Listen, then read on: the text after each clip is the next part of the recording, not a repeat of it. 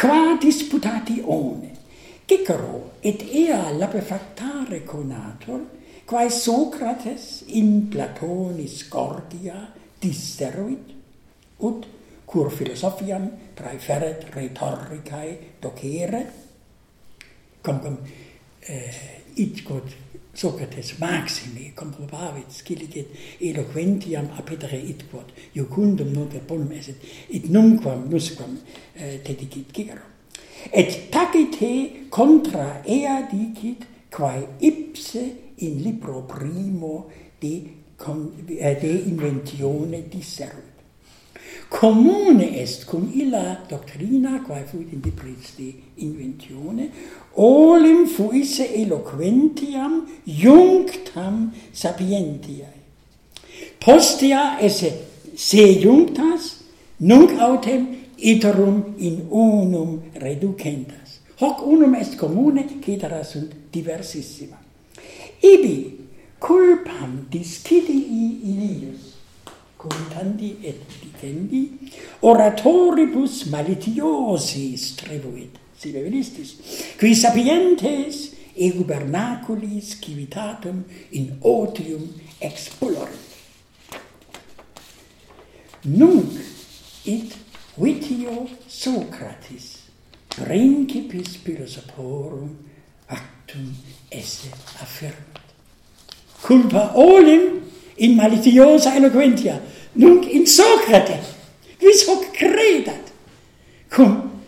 Socra, eh, Plato, semper maxime veneretur Socratem, cicero ipse, Platonem veneretur, mirum est dicere, tamen sine dubio hoc credit et cicero, hoc est fisse summum vitium Socrates.